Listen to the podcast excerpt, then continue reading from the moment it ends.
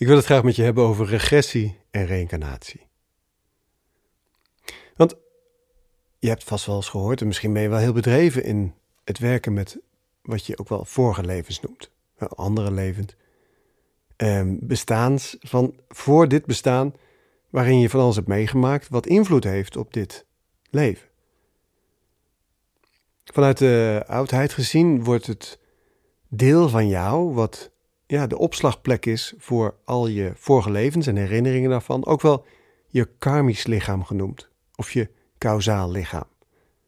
En je hebt een fysiek lichaam, dat weet je, want dat kun je voelen en aanraken. Je hebt een emotioneel lichaam of een etherisch lichaam. Je hebt een mentaal lichaam. En je hebt een zielslichaam. En daartussenin, tussen dat mentaal lichaam en dat zielslichaam, daar zit je kausaal lichaam. En cause zegt het al, hè? cause, ja, uh, oorzakelijk lichaam. Dus de oorzaak van heel veel wat in je leven gebeurt, komt voort uit dat karmisch lichaam, uit dat oorzakelijk lichaam. En komt dus voort uit het verleden. En komen we gelijk op een lastig punt, want als je het goed bekijkt, dan bestaat verleden eigenlijk helemaal niet. Er is alleen maar nu. Technisch gezien kan er niet een verleden of een toekomst zijn. Er is alleen maar nu. Alles gebeurt op dit moment. Alles wat ooit gebeurd is, in welke tijd of welke dimensie of welke realiteit dan ook, gebeurt op dit moment. Dat betekent dus dat alles wat je denkt dat voorheen gebeurd is, lineair gezien vanuit de, vanuit de, vanuit de hersenen inderdaad in het verleden ligt, maar in werkelijkheid gewoon op dit moment toegankelijk is. En dus ook op dit moment invloed heeft op wat jij ervaart, op wat jij voelt, op wat je denkt, op wat je doet. Causal lichaam, kausaal lichaam, oorzakelijk lichaam. Het is de oorzaak van heel veel in je leven, positief en negatief. Als je dan gaat kijken naar wat, wat dat dan betekent. Oké, oké, ik heb een kausaal lichaam. Er zit informatie dus blijkbaar in mijn systeem, in mijn DNA, ehm, in mijn energieveld. Over andere levens. Uit het, van vroeger, misschien parallele levens die tegelijkertijd lopen. Misschien wel toekomstige levens. Alles gebeurt nu. En die, die informatie, die energie, ehm, die heeft invloed op mijn huidige leven. Op wat ik denk, voel en doe. Wat betekent dat dan? Wat kan ik daar dan mee? Nou, ik stel me altijd voor dat een ziel naar aarde gaat en dat hij ehm, een keuze maakt. Ziel heeft misschien wel honderd, misschien wel duizend, misschien wel miljoen levens geleefd hier op aarde, op andere planeten. En die, die, die staat op het punt om dit leven in te stappen. En die gaat keuzes maken. En kijken, hé, hey, wat kan ik in dit leven nou leren?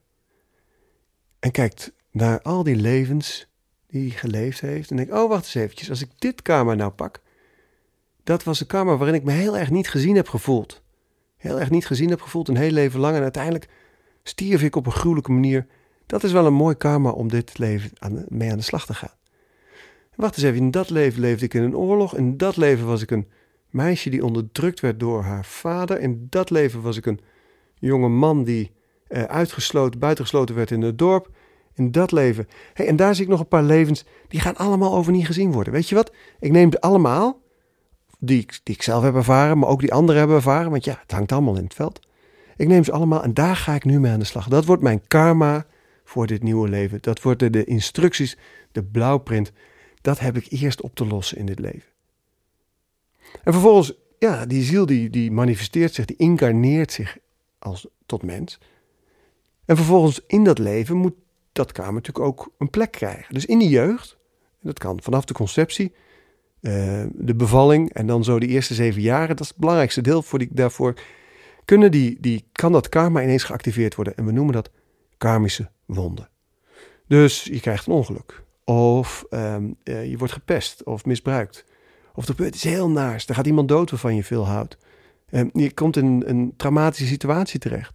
Of langdurig trauma, hè, emotionele verwaarlozing door je ouders. In dit voorbeeld, de ziel eh, die een karma heeft meegenomen waarin niet gezien worden voorop staat. Ja, dan zul je dus inderdaad niet gezien worden in dit leven. Niet door je ouders, niet door je schoolvriendjes, niet door je uh, buren en vooral niet door jezelf. dan maak je dus dingen mee in je jeugd die dat activeren. Die doen pijn. En het doel van het leven is dat je gedurende je jeugd bouw je die traumatische ervaringen op. Je maakt beslissingen, trekt conclusies op basis daarvan over wie je bent, wat je wel en niet goed, goed kunt, eh, of je wel of niet goed genoeg bent. En je, je bouwt dat, dat, die, die informatie op. En dan is het eigenlijk de bedoeling dat als je ja, jong volwassen bent, 1, 2, 23, dat je er dan mee aan de slag gaat. En de bedoeling, oorspronkelijke bedoeling van de mens, was dat je dan lekker aan de slag ging en die karmische wonden ging helen. We zijn die informatie kwijt. We doen dat niet meer. Dus we leven verder met die karmische wonden en we laten ze ons leven bepalen. Want het trauma uit je jeugd bepaalt voor een heel groot deel de kwaliteit van jouw bestaan. Want wat gebeurt er met dat trauma? Je moet leren om daarmee om te gaan. Het doet zeer, het doet pijn. Je werd niet gezien, je werd misschien wel gepest of nog erger. Het doet pijn en die pijn, daar moet je iets mee. Dus je gaat daar omheen werken. Je gaat beschermingsmechanismen aanleggen. Weerstanden, onrust, verslavingen, verdovingsmechanismen. Angsten, eh, overtuigingen, vermijdingsgedrag, sabotagegedrag. Je gaat om die trauma's ga je copinggedrag creëren. Je gaat zorgen dat je ermee kan dealen. En misschien heb je wel beschermingsmechanismen die heel erg eh, kwaad en boos en agressief zijn. Dat je op bepaalde momenten echt uit je slof gaat zonder dat je weet waarom. Misschien heb je beschermingsmechanismen die heel vermijdend zijn, heel angstig zijn. En dat je in bepaalde situaties je terugtrekt of enorm bang bent of uh, niet uit de verf komt. Misschien heb je wel beschermingsmechanismen die het onderdrukken. En ik, ik zei het al even, verslavingen.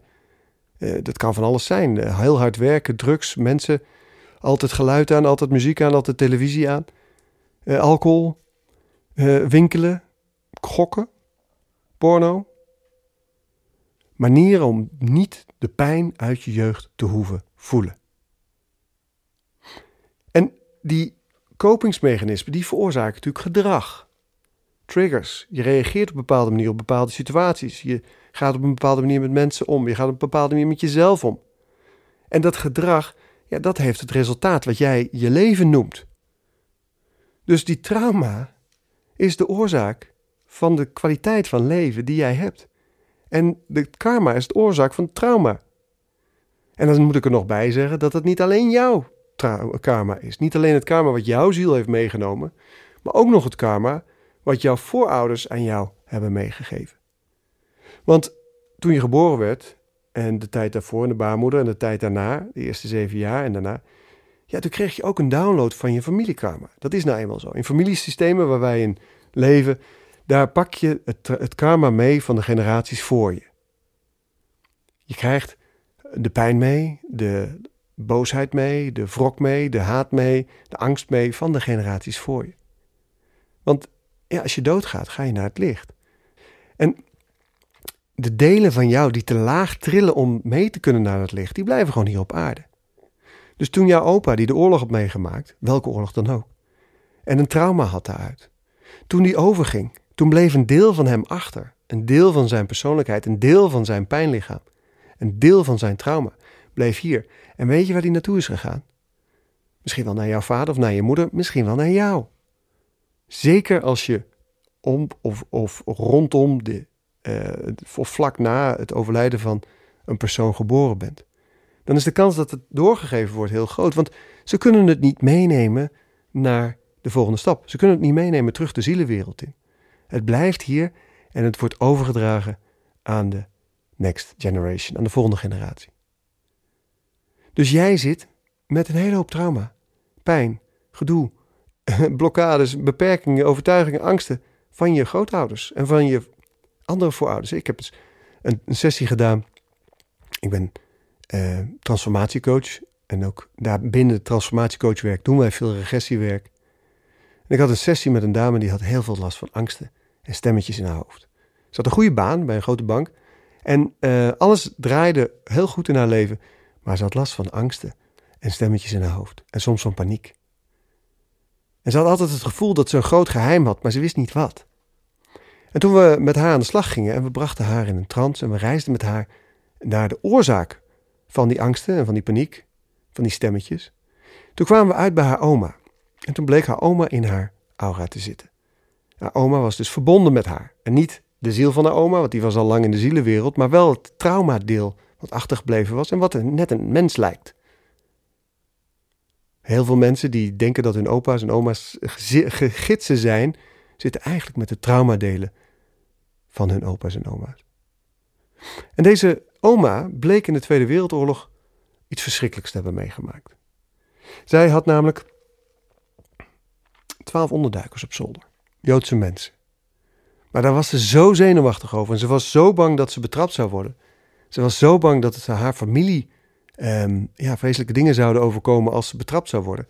Dat ze zelf naar de Duitsers, naar de nazi's toe ging om daar die Joodse mensen aan te geven. En ze was erbij toen die mensen werden opgepakt. Mensen zijn allemaal verbrand, vergast in concentratiekampen.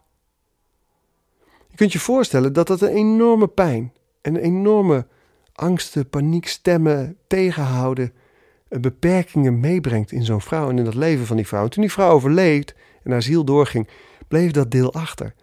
En werd dus overgedragen aan de eerstvolgende. En dat was haar oudste kleindochter. Daar had ze heel veel mee. Dat was haar oogappeltje. En omdat het op zo'n jonge leeftijd gebeurde. En de, mijn cliënt drie, vier, vijf jaar oud was toen oma overleed. En haar karma dus overdroeg, haar trauma overdroeg. Had mijn cliënt er zo, zich er zo mee geïdentificeerd dat ze dacht dat het haar stemmen waren. Dat ze dacht dat het haar angsten waren. Dat ze dacht dat het haar paniek was. Maar dat was niet zo. Het was van oma. En toen oma met de juiste technieken naar ehm, eh, eh, haar trauma kon transformeren. En vervolgens dus bevrijd kon worden. En dus loskwam van de cliënten en uiteindelijk uh, meegenomen werd naar het licht in haar geheel. Toen veranderde alles in het leven van mijn cliënt. Want ze had ineens geen angsten meer. Ze had geen stemmetjes meer. Er waren geen paniekaanvallen meer. En vandaag de dag is mijn cliënt zelf transformatiecoach. Ik mag dit ook van haar vertellen, zonder dat ik haar naam erbij zeg. Want dit is hoe het gaat binnen het karmisch werk. Een ander voorbeeld gaat om vorige levens. In Vietnam werkte ik met een. Ik heb een aantal jaren praktijk gehouden in, in, in Azië, in Vietnam, toen ik daar woonde met mevrouw Monique. En toen werkte ik met een oorlogsveteraan. En ik vergeet nooit, ik heb ook video's van hem, dus ik mag zijn naam noemen. Curtis.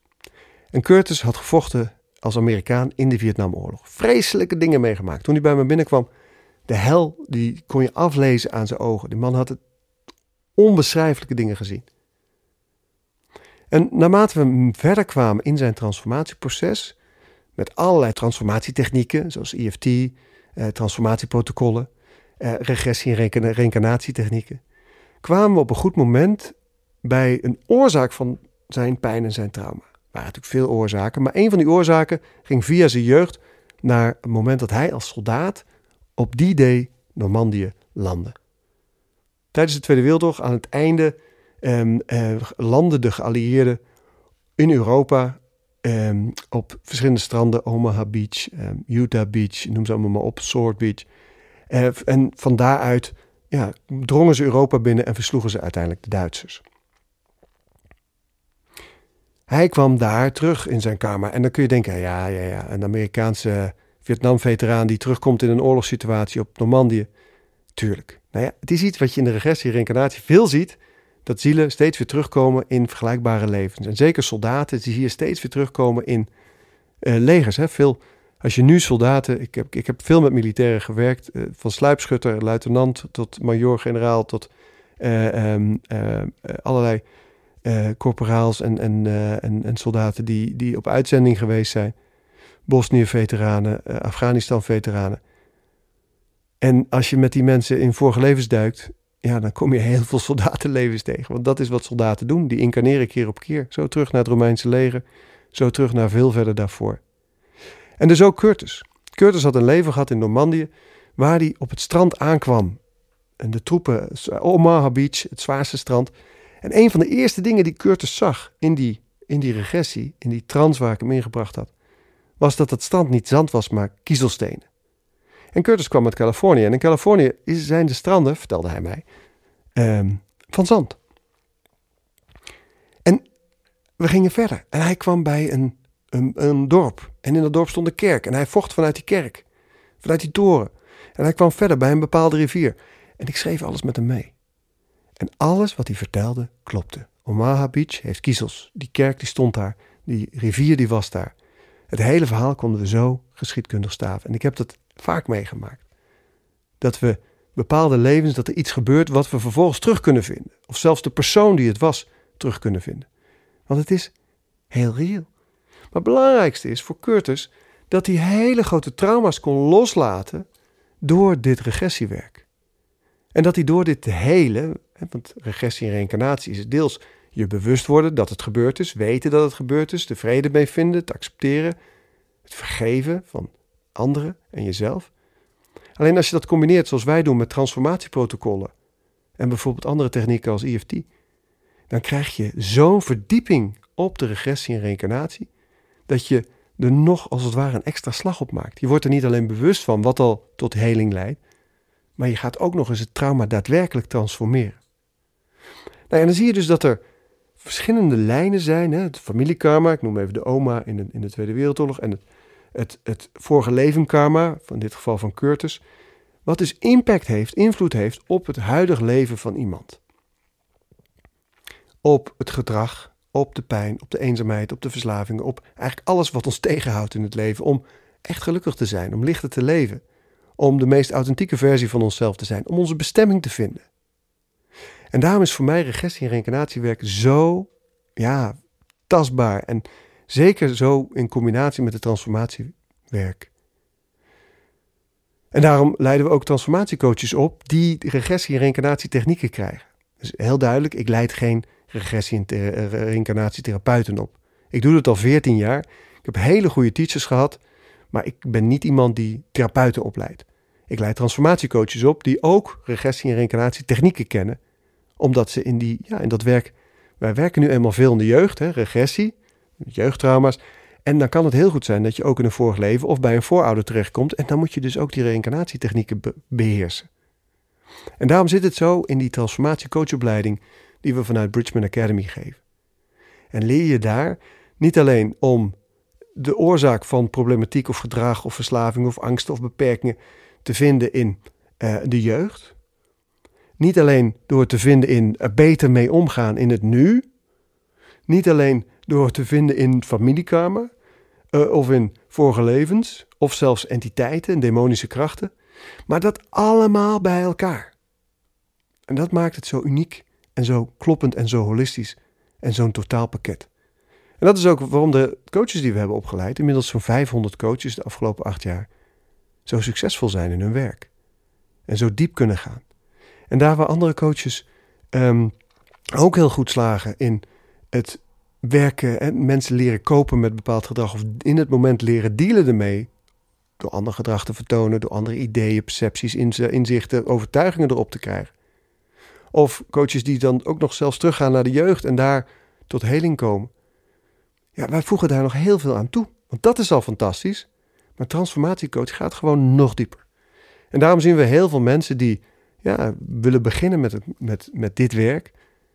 Uh, maar ook heel veel coaches die al heel lang in dit vak zitten. De oudste coach, of de, de coach met de meeste ervaringsjaren in onze opleiding had 19 jaar. Zat al 19 jaar in het vak. Ja, we zien gewoon dat deze mensen de transformatiecoachopleiding doen. Een jaar diep in het proces zijn met zichzelf, uh, de kneepjes van het vak leren en vervolgens daarmee aan de slag gaan. En waarom kun je sneller leren? Waarom hoef je niet vier, vijf, zes jaar in zo'n opleiding te zitten? Omdat het in deze tijd allemaal anders gaat. De trilling op aarde is veel hoger. En we werken met quantum learning. En met quantum learning kun je bepaalde technieken, inzichten en methodieken waar je vroeger jaren over deed, in een hele korte tijd downloaden in je DNA, downloaden in je overtuigingssysteem, downloaden in je energiesysteem, zodat je het integreert en ineens kunt. En de magie daarvan is zo waanzinnig dat mensen bij ons komen en eh, denken: hoe dan? Hoe ga ik dit ooit doen? Een week training krijgen en aan het eind van de week zeggen: Oké, ik ga het nu doen, want ik snap het. Ik voel het, ik weet het. Het zit zo diep in me nu. Ik heb het gewoon gedownload. Ik snap het. Ik kan nu die stappen zetten. Ik kan nu met iemand naar de jeugd. Ik kan nu met iemand naar een ander leven. Ik kan nu met iemand en zo verder. En het is niet zo dat je dat in een week leert. Het is een opleiding van een jaar. Maar door de manier waarop we het hebben ingericht, kun je dus de regressie- en reïncarnatietechnieken toepassen binnen de context van het transformatief coachen. En daarmee op een heel diep niveau de issues van je cliënt doorgronden en ontwortelen. Mijn naam is Robert Bridgman. Dankjewel voor het luisteren en ik hoop je ergens in tijd en ruimte te ontmoeten.